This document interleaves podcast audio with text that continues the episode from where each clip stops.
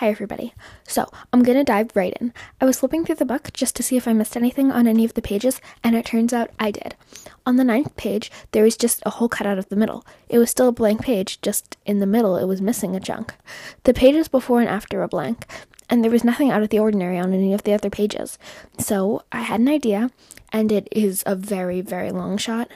But you know how on a golf course they number the holes where you hit the golf ball into? Uh, sorry, I don't know the technical definition. I don't play golf, and neither does anybody I know. But the holes that you hit the golf balls into, they number them like the seventh hole, the eighth hole, and the ninth hole.